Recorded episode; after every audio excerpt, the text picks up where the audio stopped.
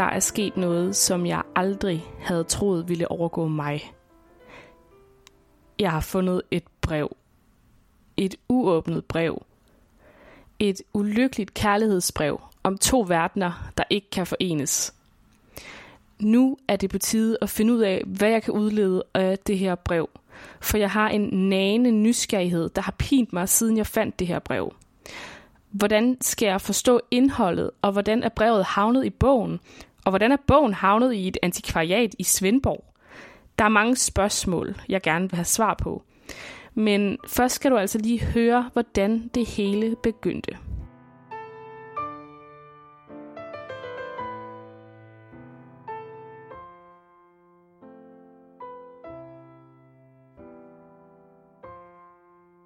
Det er en varm sommerdag i 2013. Jeg er 20 år, og jeg bor i Svendborg, som er min barndomsby på Sydfyn. På den her sommerdag i juni, så går jeg rundt i byen og kigger i butikker med en af mine venner. Som så mange andre gange før, træder vi ind i antikvariatet Æseløret. Der er tusindvis af bøger over det hele i alverdens genre. Og jeg trækker så på et tidspunkt en bog ud af reolen. Og det er Knud Romers roman. Det er faktisk hans debutroman, Den som blinker er bange for døden. Og da jeg så tager den her bog ud af reolen, så er det som om jeg får øje på noget mellem siderne, som er for stort til at være et bogmærke. Og jeg opdager så, at det er et brev. Jeg har fundet et brev. Hvor heldig har jeg lige lov at være. Jeg går lidt i panik og skynder mig at se mig omkring. Øh, der er ikke nogen, der kigger på mig heldigvis. Så jeg hapser brevet. Jeg putter det ned i min taske lynhurtigt og gør klar til min ven, at vi skal gå nu. Vi smutter så ud af døren, og min ven virker lettere befippet over, hvad det er, jeg har gang i. Og da vi så kommer ud af antikvariatet, er jeg rimelig meget op at køre. Jeg kan sådan mærke, at min puls er i galop, og jeg kan, jeg kan næsten ikke styre øh, den her adrenalin, der suser rundt i min krop. Jeg fortæller så min ven, at jeg har fundet et brev inde i en bog i det her antikvariat. Og øh, han virker også overrasket, øh, men, men der er ikke nogen tvivl om, at det er mig, der er den mest overraskede. I mange år har jeg haft filmen Amélie, den franske film Amélie, som min yndlingsfilm.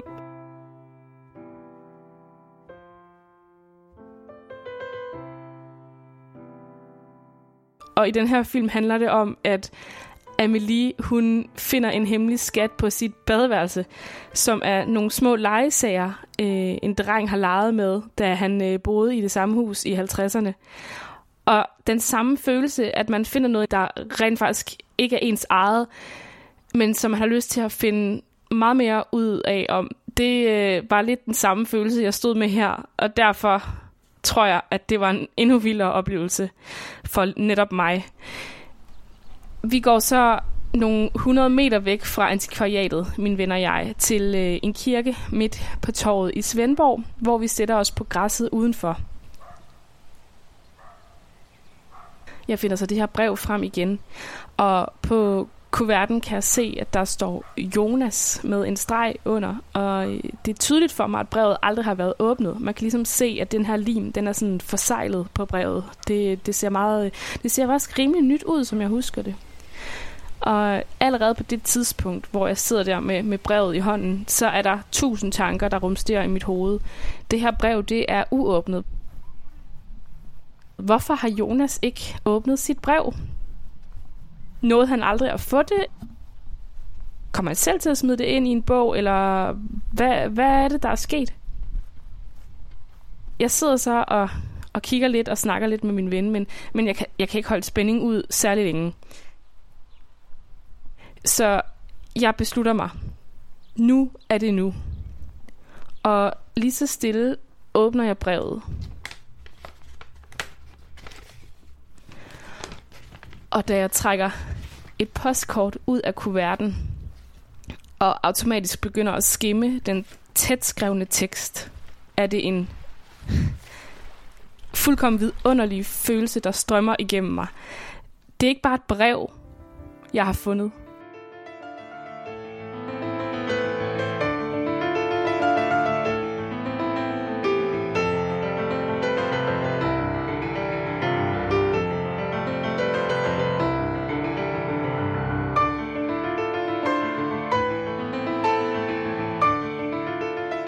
Det er et brev om to verdener, der ikke kan forenes.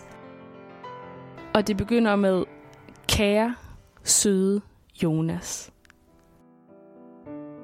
Så kære lytter, hvis du hedder Jonas, skal du nok lytte ekstra godt med nu.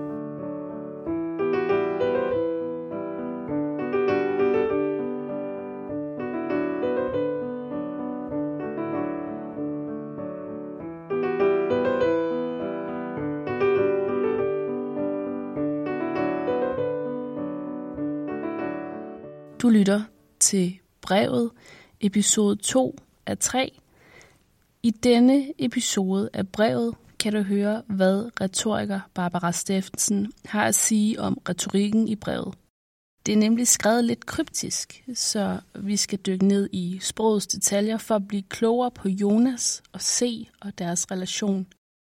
Vi taler også om, hvordan Barbara tror, brevet er havnet i antikvariatet – og så kommer du til at høre, hvad Svend Erik Christiansen siger til hele brevsagen. Det var nemlig i hans antikvariat, Æseløret i Svendborg, at jeg fandt og tog brevet tilbage i 2013.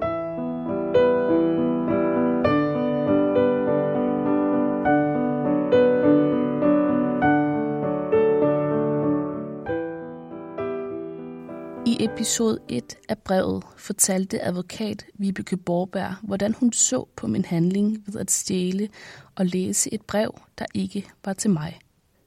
Umiddelbart synes jeg ikke, det lyder som om, du har stjålet det. Jeg, lyder, jeg synes mere, det lyder som et tilfældighedsfund.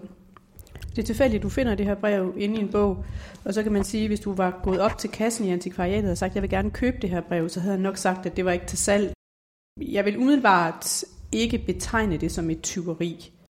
Og så hørte vi, hvad grafolog Per Andersen mente, han kunne udlede at se ud fra håndskriften i brevet. Altså, det er en person, som oplever verden på, på med mange sanser. Øh, det er svært for hende at, øh, at, at holde sine øh, følelser væk. Mm. Og øh, hun er altså meget påvirkelig. Nu skal vi tale om selve sproget i brevet. Jeg tog forbi Kunstmuseet Sofienholm i Lyngby, hvor retoriker Barbara Steffensen er udstillingschef, og her skal jeg tale med hende om retorikken i brevet fra C til Jonas.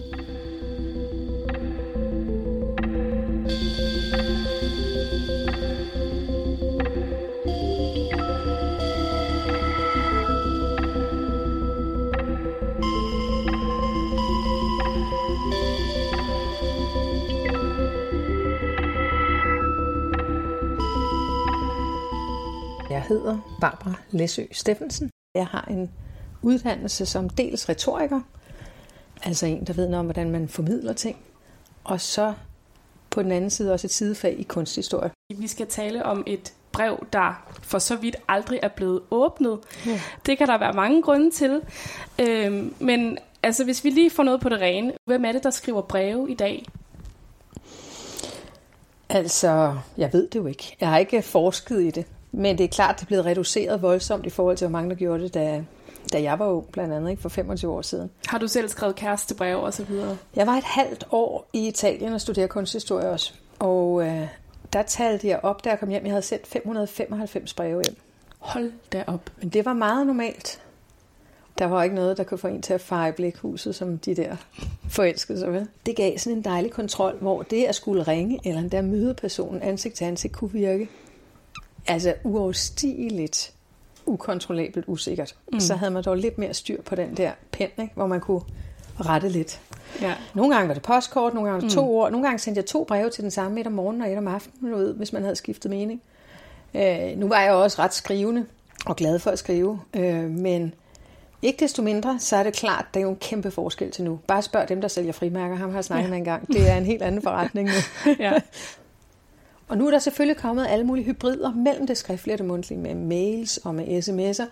De kommer jo lige så hurtigt frem, næsten, som det mundtlige. Mm. Men, øh, men de har jo stadigvæk noget af det skriftlige kontrol.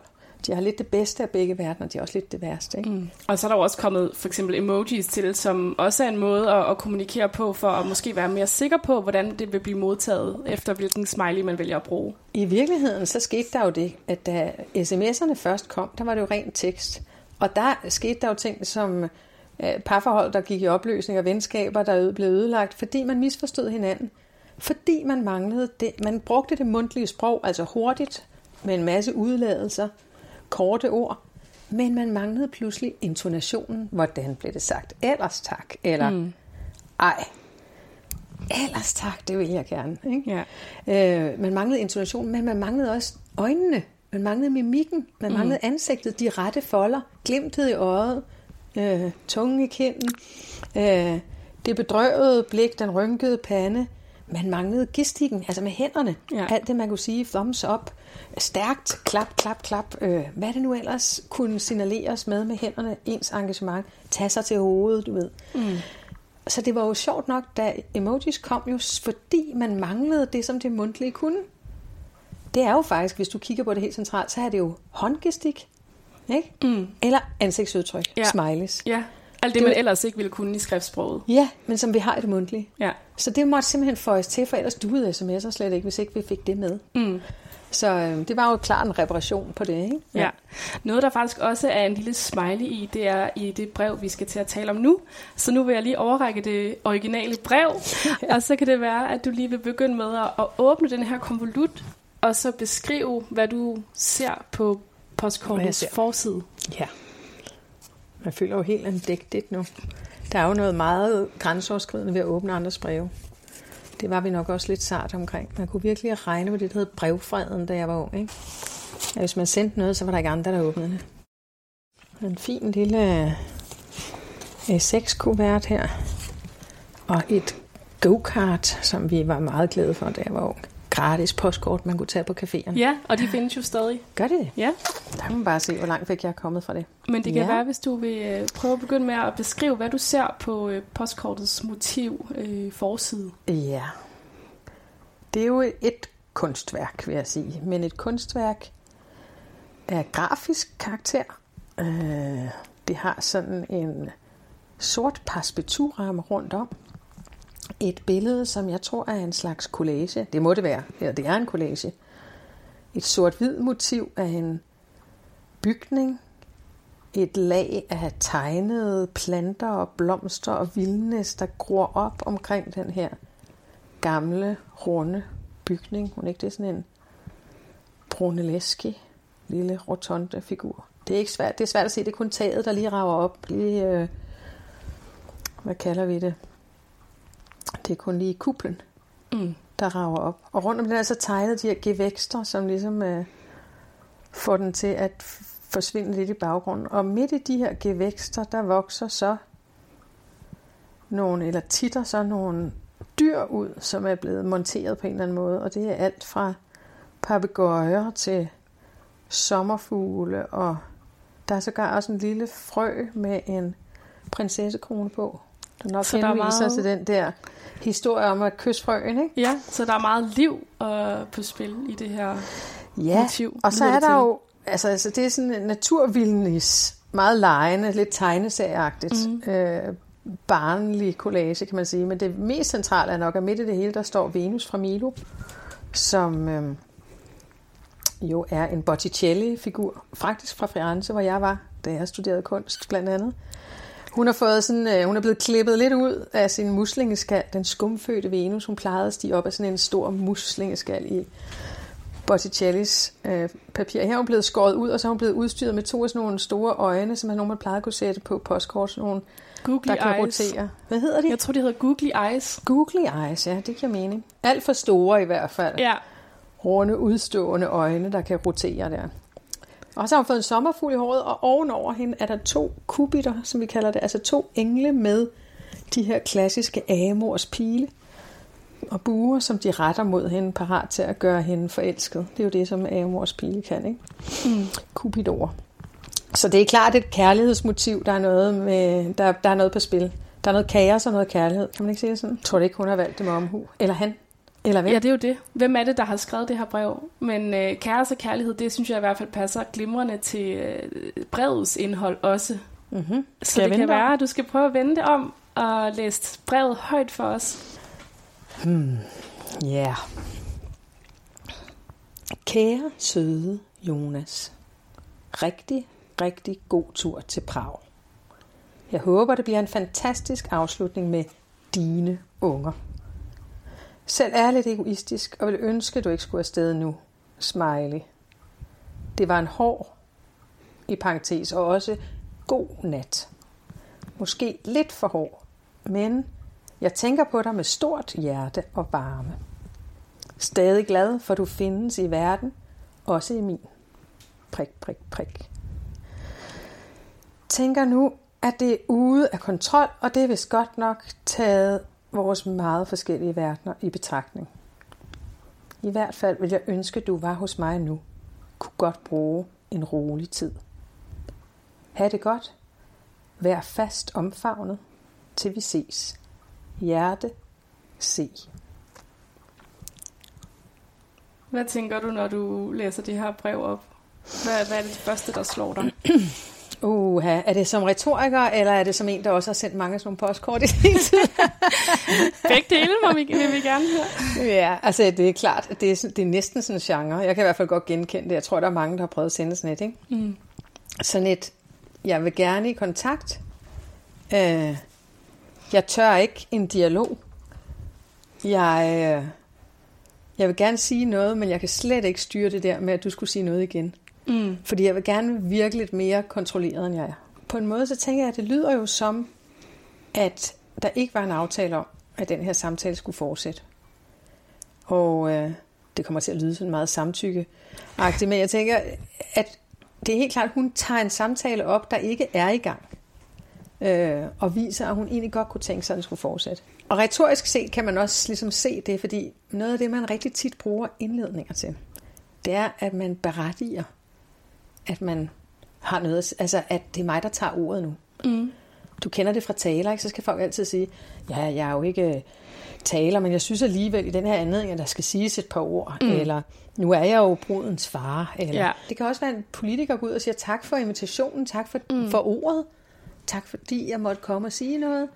Altså vi kender det i alle hensener i sådan små klichéer, at det første vi siger, er noget... Ja, nu har jeg jo været kurator på udstillingen, så jeg vil godt starte med at sige mm. på, eller... Er det fordi, man gerne vil virke ydmyg, eller hvorfor gør man det? Det har i hvert fald ofte en karakter af ydmyg, det første man siger, at man laver sådan et ydmyghedsbuk for forsamlingen. Men når man laver det buk og den ydmyghed, så er det jo for at få de andres velsignelse af, okay, du må godt sige noget nu. Mm.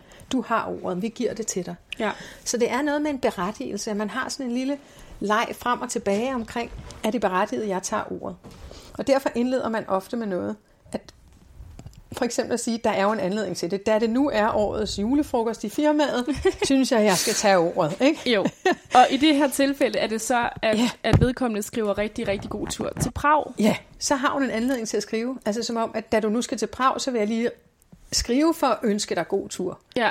Det er jo nok ikke noget, der var strengt taget nødvendigt, og det er heller ikke Nej. det, der er hendes hovedbudskab. Nej, det er det jo ikke. Det er jo det, der kommer senere. Ja. Men for at det skal kunne afleveres, så skal hun lige finde en, en eller anden form for berettigelse. Mm. Okay? Mm.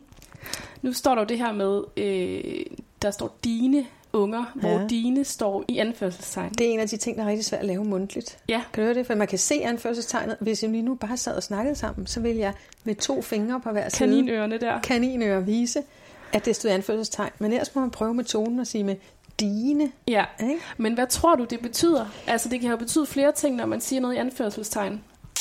Ja, Hvad altså tror det, det kan betyde, at man siger noget ironisk, Mm. eller at man påpeger, at det her det er i hvert fald ikke i den gængse forstand. Så når hun siger dine unger, så er det jo nok for at gøre opmærksom på, at hun ikke synes, at det er hans unger. Det kan også have været noget at gøre med, at han er afsted med nogle børn, som ikke er hans, men hun vil godt anerkende, at han synes, det er ligesom hans børn. Mm. Så ved, ved de her øh, kaninører, eller de her anførselstegn, der øh, laver hun en anerkendelse af, at det ikke er i den gængse forstand. Mm. Og det kan for eksempel være hvad, papbørn eller skoleelever. Ja, det sætter jo eller... fantasien på spil, for ja. Det ved vi jo ikke. Det kunne være, at det netop var nogen, han arbejdede med, men øh, jeg læser det lidt som om, at hun... Øh, hun siger jo også senere, at hun egentlig ville ønske, at han blev hjemme rent egoistisk. Men hun vil gerne. Ja. anerkende, at han skal afsted. Må ikke han skal ned og afslutte et andet forhold, hvor der har været nogle børn? Øh, Tror du det? Ja. Tror du, Og det har noget at- med hans kærlighedsliv at, at gøre? han, han, ja, det tror jeg. Og mm. jeg tror, at det er fordi, hun håber, hun vil gerne anerkende, at det her også betyder noget, og hun synes, det er fint af ham, at han tager på den her ferie, fordi det er, har været hans børn så længe, altså i anførselstegn. Øh, men hun håber også, at han kommer tilbage igen, og så har fået en afslutning, som hun kalder det. Det har han sikkert også sagt til hende, at det vil blive. Ja. Ja. Det er jo ikke sikkert, det bliver sådan. Så hun vil også lige gerne lægge en lille kile ind for at minde ham om, at det var det, det skulle være det skulle have en afslutning.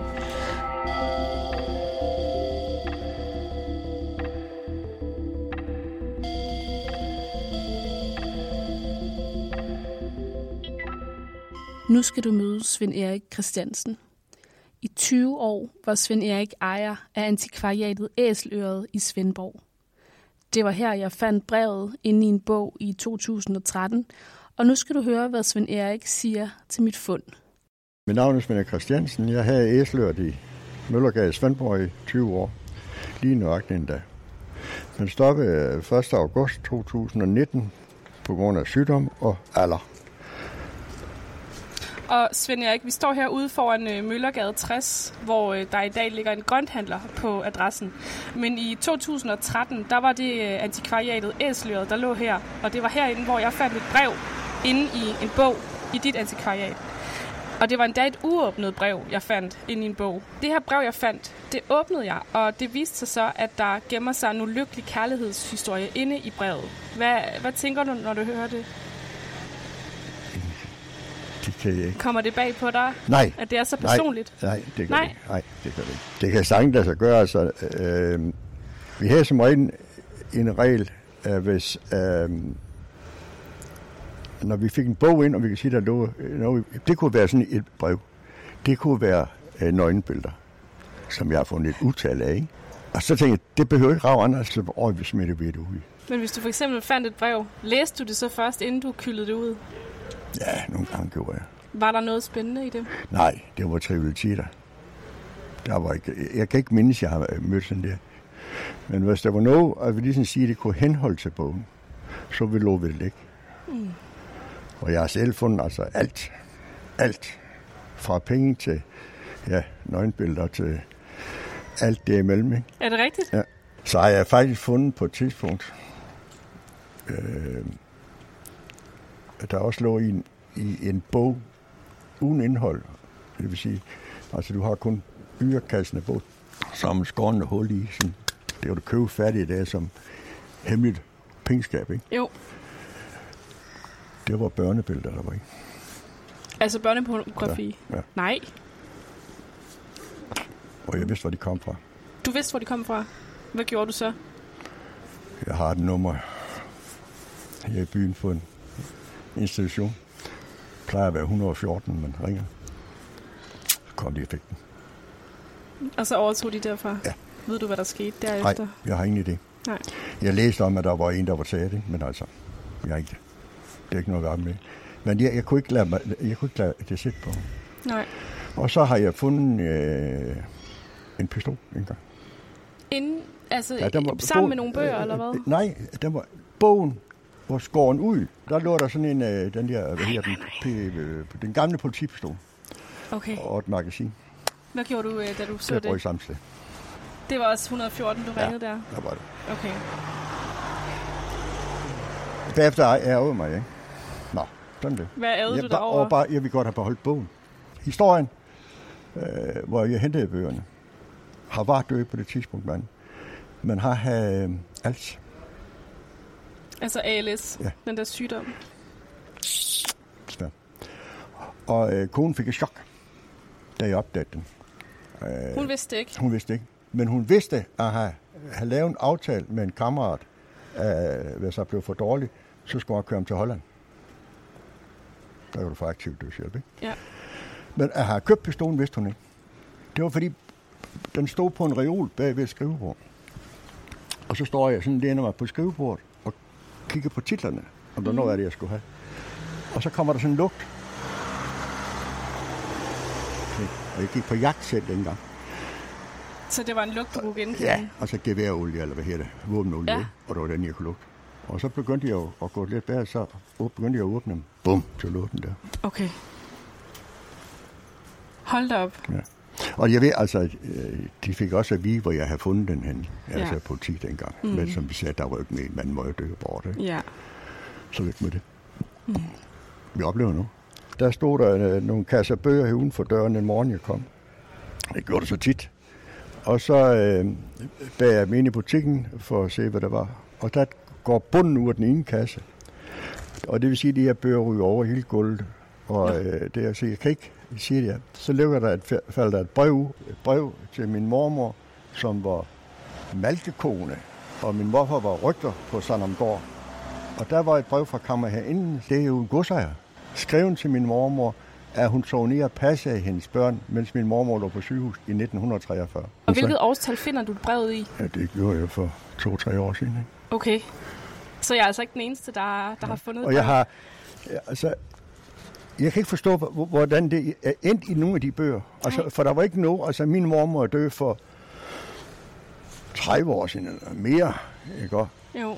Og hun, og hun boede ved mine forældre til sidst, da hun døde. Og der var ved Gud ingen bøger. Altså, det havde man ikke råd til at købe dengang, vel? Så hvor det kommet fra, har jeg ingen idé om, fordi det er en kasse, der er afleveret uden for døren. Det er da for vildt. Det var... øh, Men desværre var min familie død, så jeg kunne ikke øh, få noget konstateret. Det er jo nok det, der har været det sjoveste i det her. Mm. Altså det er jagten. Ja. Og jeg tror, jeg kan svare for samtlige antikvarboghandler i Konger i Danmark. Hvis vi fik varer på samme måde som et supermarked, mm. øh, øh, når vi løb lidt tør i den der, så kom der bare en kasse. Ja. Så tror jeg ikke, der var nogen af os, der var antikvarboghandler. Det tror jeg ikke. Det er jagten. Altså, jeg har altid jagtet historien på bogen. Eller, hvorfor ender du her? Mm. Ikke?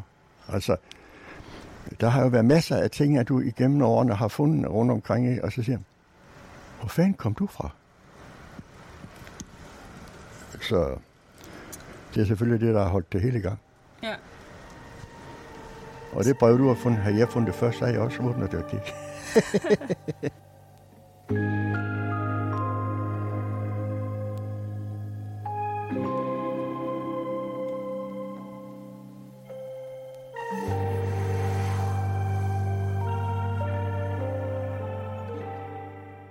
Nu da vi har hørt mere om, hvor jeg fandt brevet, så lad os dykke endnu længere ned i sproget sammen med Barbara Steffensen.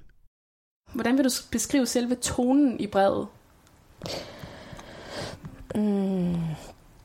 Jeg tror, at ydmyg, som du brugte som et ord, er rigtig godt. Hun forsøger at være ydmyg Mm. over for situationen, og Hvordan forsøger ikke at øh, være anmasende. Jamen, det er for eksempel ved, at hun laver sådan noget, vi kalder lidt styrkemarkører, taler man om, når man taler om argumentation, at man skyder nogle modifikationer ind. Selv er jeg lidt egoistisk.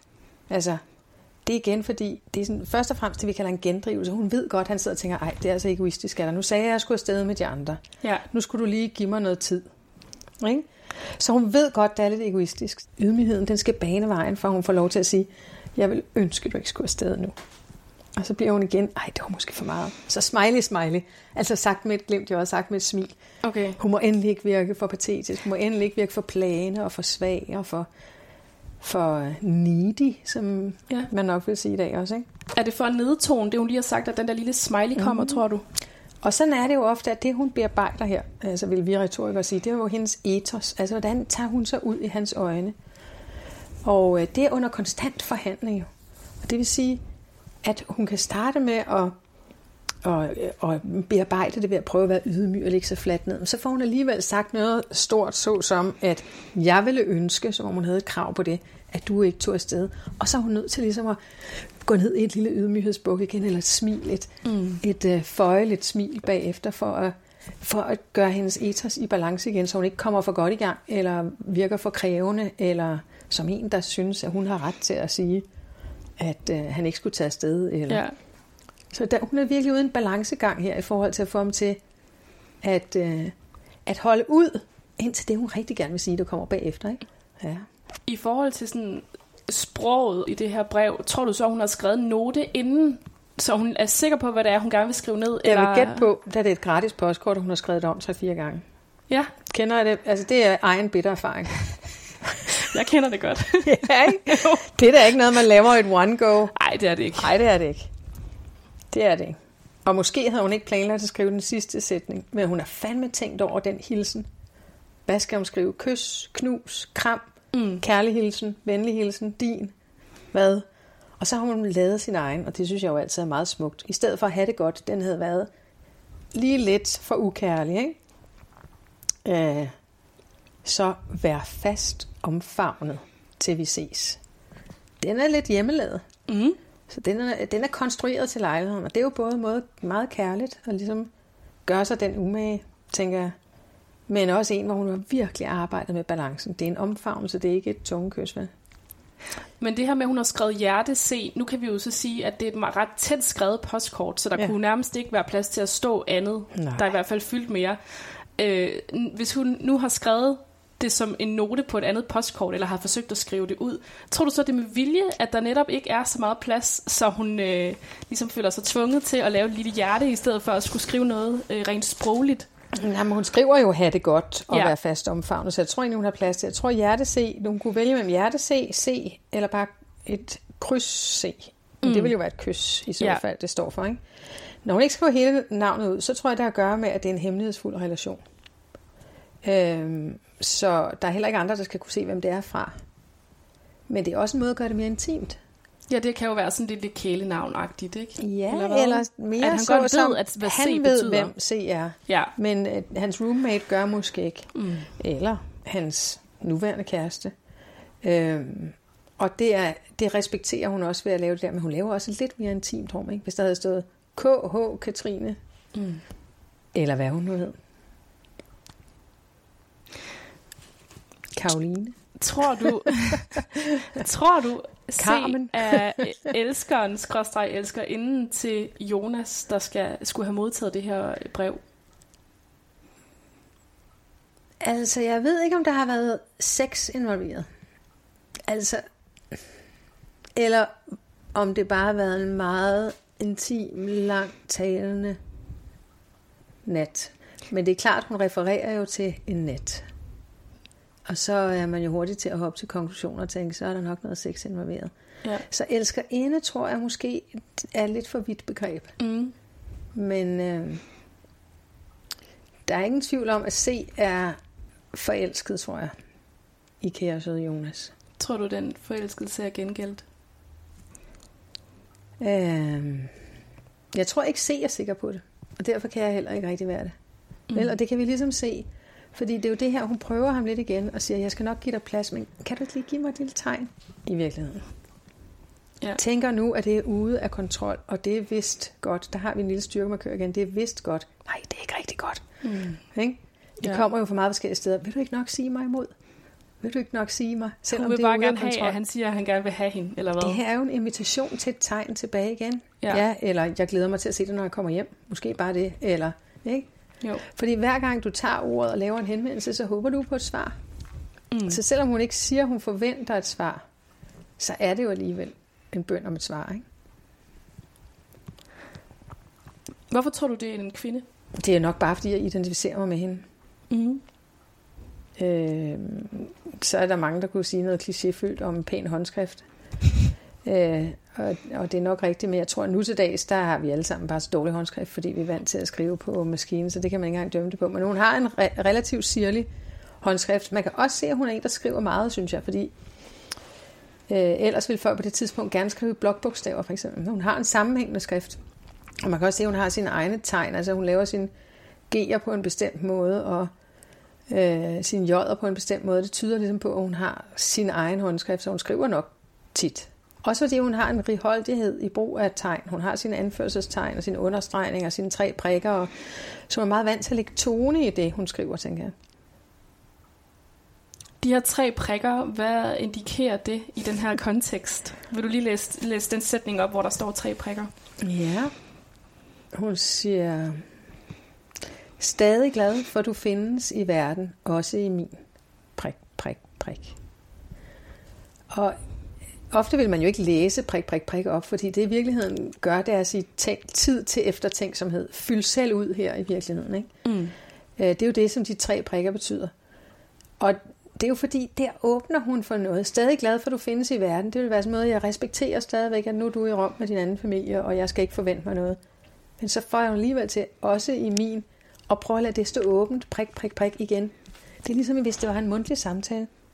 Så ville hun, hvis hun var dygtig nok, lave en lille pause der, og på den måde ved hjælp af pausen aftvinge ham et svar. Ikke? Det er jo det, man gør med pauser. Hvis den, der kan holde tavsheden længst, tvinger den anden til at sige noget, når vi er i en samtale. Så det er jo det, hun gør der med de tre prikker. Det er svar lige på det. Er du i min? Ikke? Mm. Er du også i min verden endnu?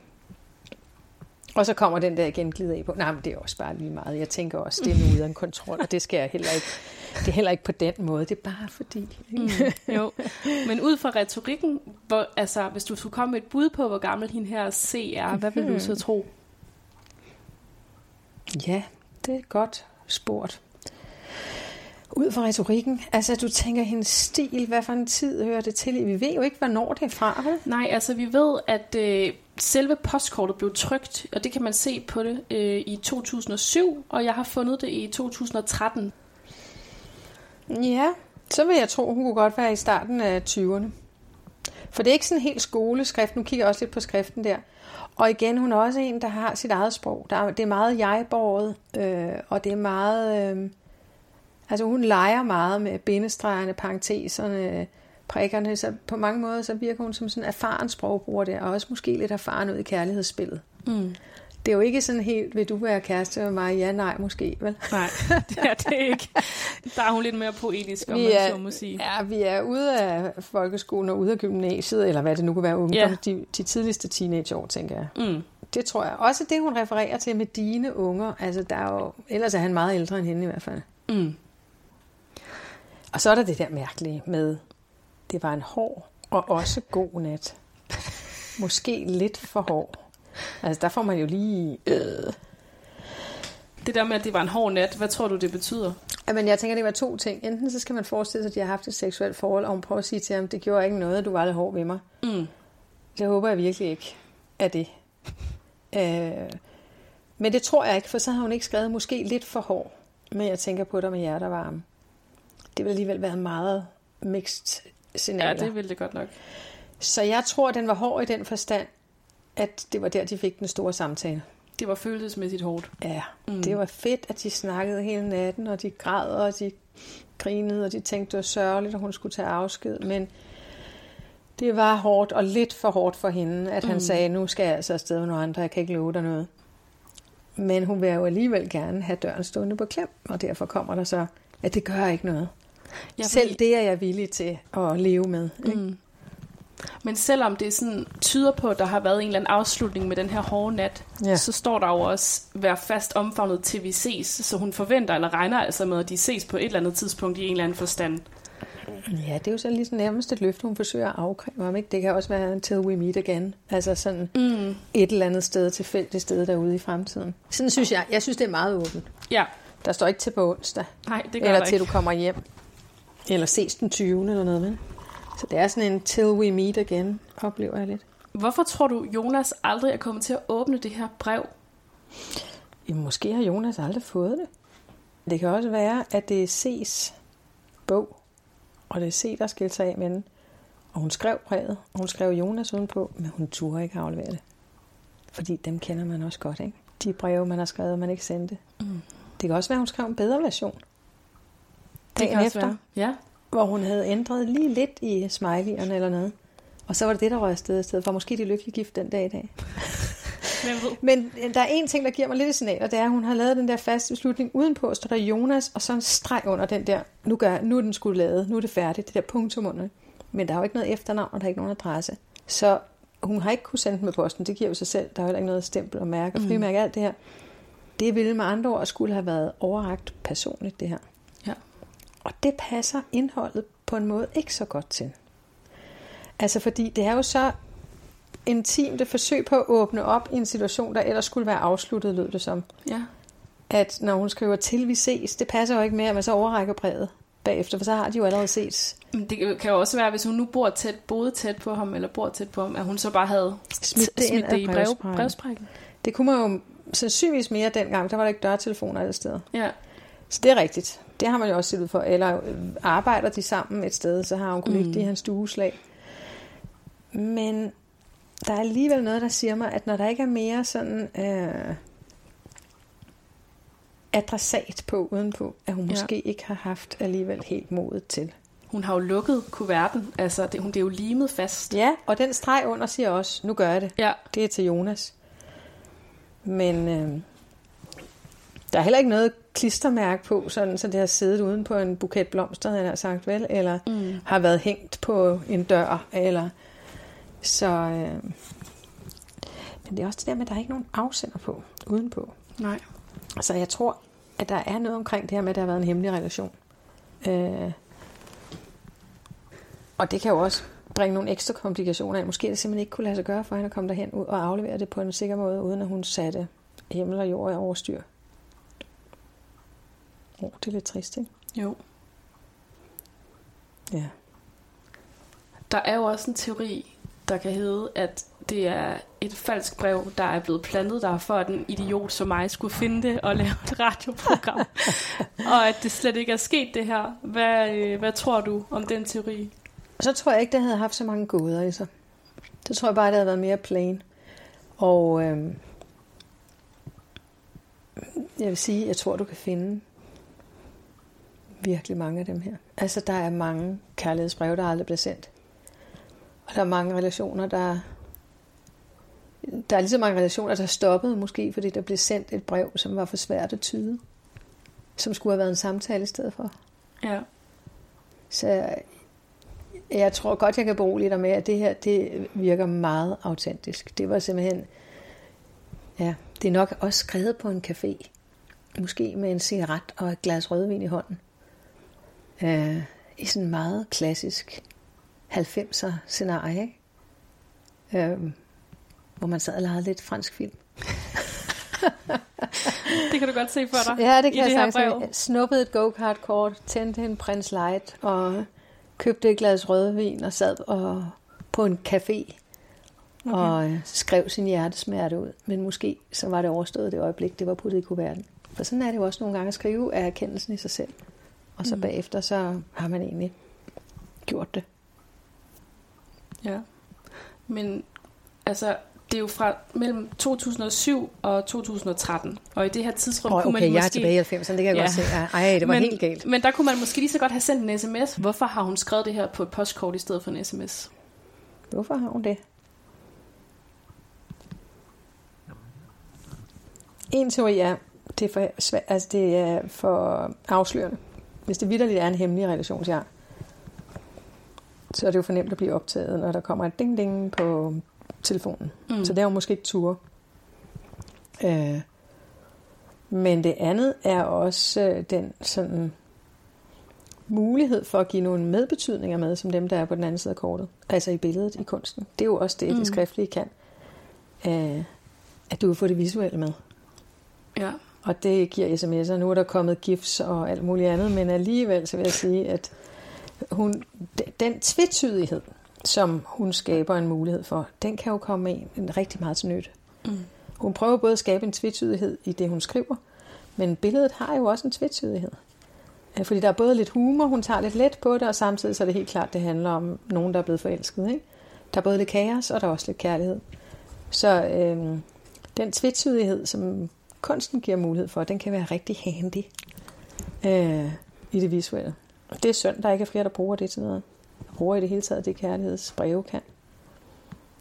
Hvad med selve sådan betydningen af mediet? Altså, kan det være, fordi hun har tænkt, at det betyder mere, det, det, det handler om følelser, det, det betyder mere at modtage et brev, øh, end det gør at få en sms? Ja, for det gør det jo. Altså det er klart, der er mere betydning i det, men samtidig har hun valgt et postkort, øh, som jo gør det lidt nonchalant. Det er jo ikke sådan øh, byttepapir med vandmærke Nej, og og fyldepind. skrevet med blik og det hele. Nej, det, det ville også have været for, for meget, ikke? Ja. Øh, så det er på et postkort, men det er samtidig nede i en kuvert. Jeg tror, det har meget at gøre med det der, hun har forsøgt at skjule det for nogen. Så jeg tror, at det hemmelighedsfulde betyder noget, og der tror jeg, at det her er et mere det er trods alt mere øh, nemmere at skjule. Især hvis hun kan finde et sted at komme af med det, og det er måske det, hun ikke rigtig har kunnet så.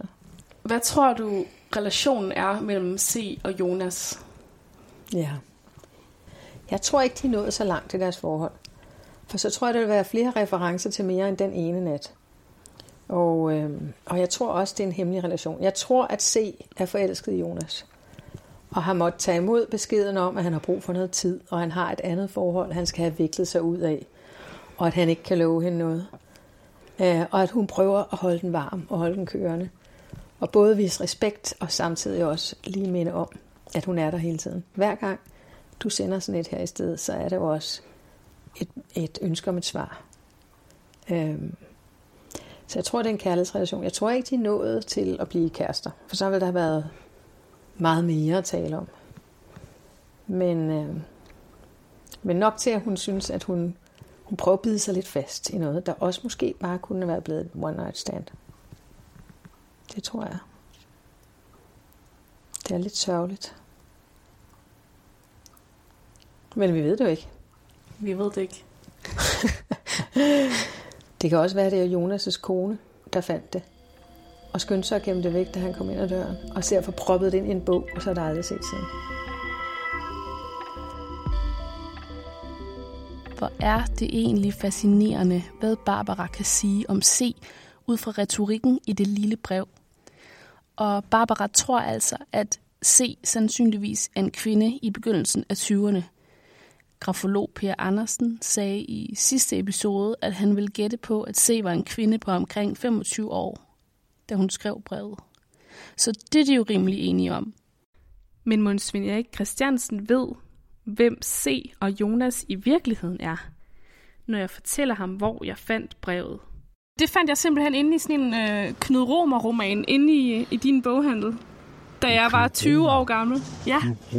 Men har du nogen anelse om, hvordan den bog, eller det brev, er havnet i bogen, som Nej. så er havnet Nej. i dit øh, antikvariat? Nej. Nej. Du kender ikke nogen, der hedder Jonas, som den her passer på? Nej. Det er jo noget, jeg har købt ind jo på et tidspunkt. Men det, jeg, jeg skal prøve at altså, nej, det siger mig slet ikke nu. Nej. Det, for det brev, du har ikke været herfra. Den bog kan jo have været købt på en auktion. Det, det kan jo være, det slet ikke har noget med Svendborg at gøre, det her Slet jo. slet ikke. Det er der ikke nogen, der siger. Nej, så det, det er slet ikke sikkert, det er fra lokalområdet. Nej. Hvordan skaffede du og I de bøger, I solgte i butikken? Det var jo altså folk, der kom uh, her, og jeg købte dødsboer ude i byen. Ikke kørte rundt og købte op, ikke? Aktioner. Ja, Der var ikke så mange af til sidst. Men der var i de første mange år, hvor der var mange gode aktioner, øh, men i København. Ikke? okay. Øh, der har været lidt heroppe, ikke? Altså, øh, men det er forsvindende lidt, der har været her i byen. Dengang jeg fandt det her brev, ja. Ville du så ønske, at jeg havde sagt, at jeg havde fundet det? Hvis nu siger du, at du kom tilbage med den, og så ved du, jeg købte en bog, den anden, det kunne jeg måske huske, at du har gjort, ikke? Og så er, er det lige jeg har fundet det her brev, ikke? Prøv at læse det, ikke? Og så kunne jeg måske, på det tidspunkt der, nu er det langt væk, ikke? Øh, kunne jeg måske have så, oh, nå, dem hentede jeg det uge, ikke? også? Så kunne det være, at vi havde fundet ud af det. Kunne have fundet ud af at sige, Ja. ja. det vidste vi det ikke. Så kunne, jeg måske have, kunne vi måske ved fælles hjælp have fundet en to-tre adresser, adresser, hvor jeg vidste, jeg havde været ude og bøger. Ikke?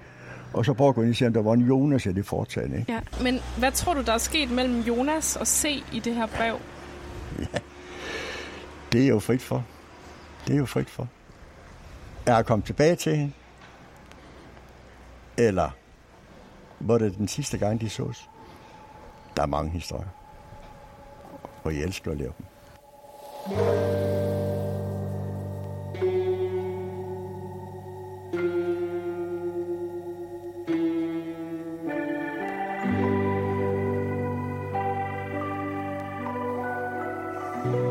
Det var virkelig spændende at tale med Svend Erik.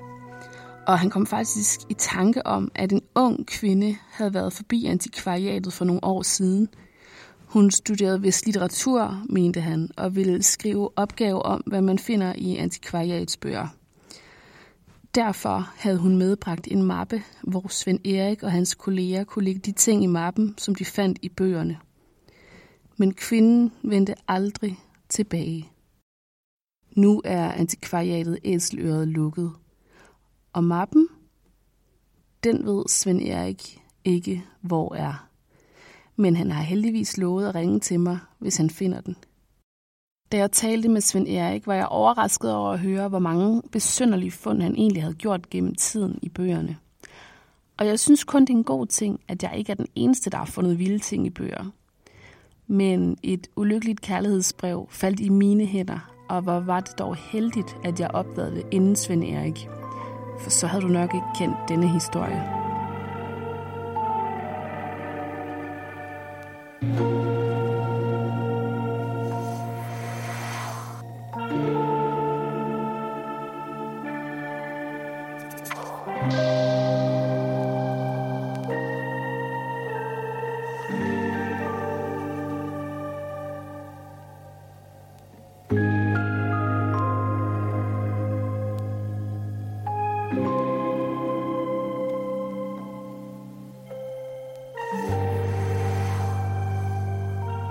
Nu her, efter jeg har talt med retoriker Barbara Steffensen, hæfter jeg mig ved hendes teori om relationen mellem Jonas og C. Hun mener, at C har skrevet indholdet af brevet om 3-4 gange for at få den helt rigtige ordlyd over for Jonas. Desuden lyder hun temmelig overbevist om, at deres romantiske relation er hemmelig, og det synes jeg kun gør historien endnu mere spændende. Er vi i virkeligheden ved at optravle Jonas' utroskab – Følg med i næste episode af brevet, som også er sidste afsnit. Her taler jeg med debattør og forfatter Knud Romer. Det var nemlig i hans bog, Den som blinker er bange for døden, at jeg fandt brevet, og jeg er sikker på, at Knud har nogle tanker og teorier om, hvad han mener, der skete mellem Jonas og C.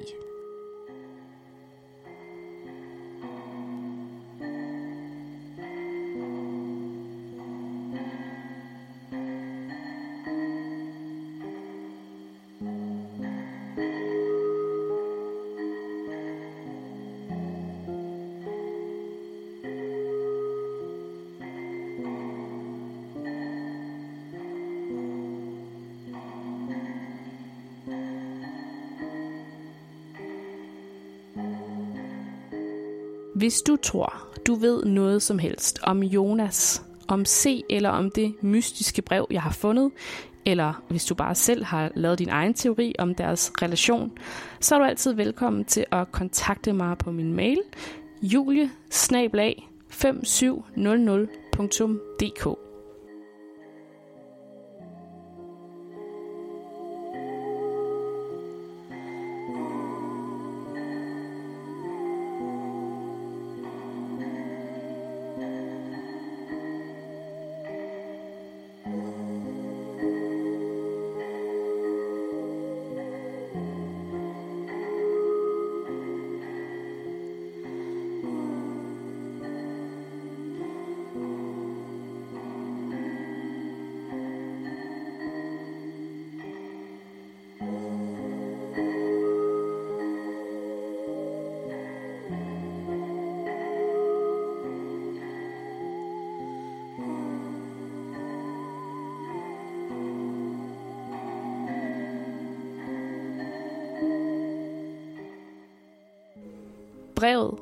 produceret af mig. Jeg hedder Julie Mørkeberg. Tak til Frederik Polo, Lars Axel Andersen og Mette Marie Heinfeldt.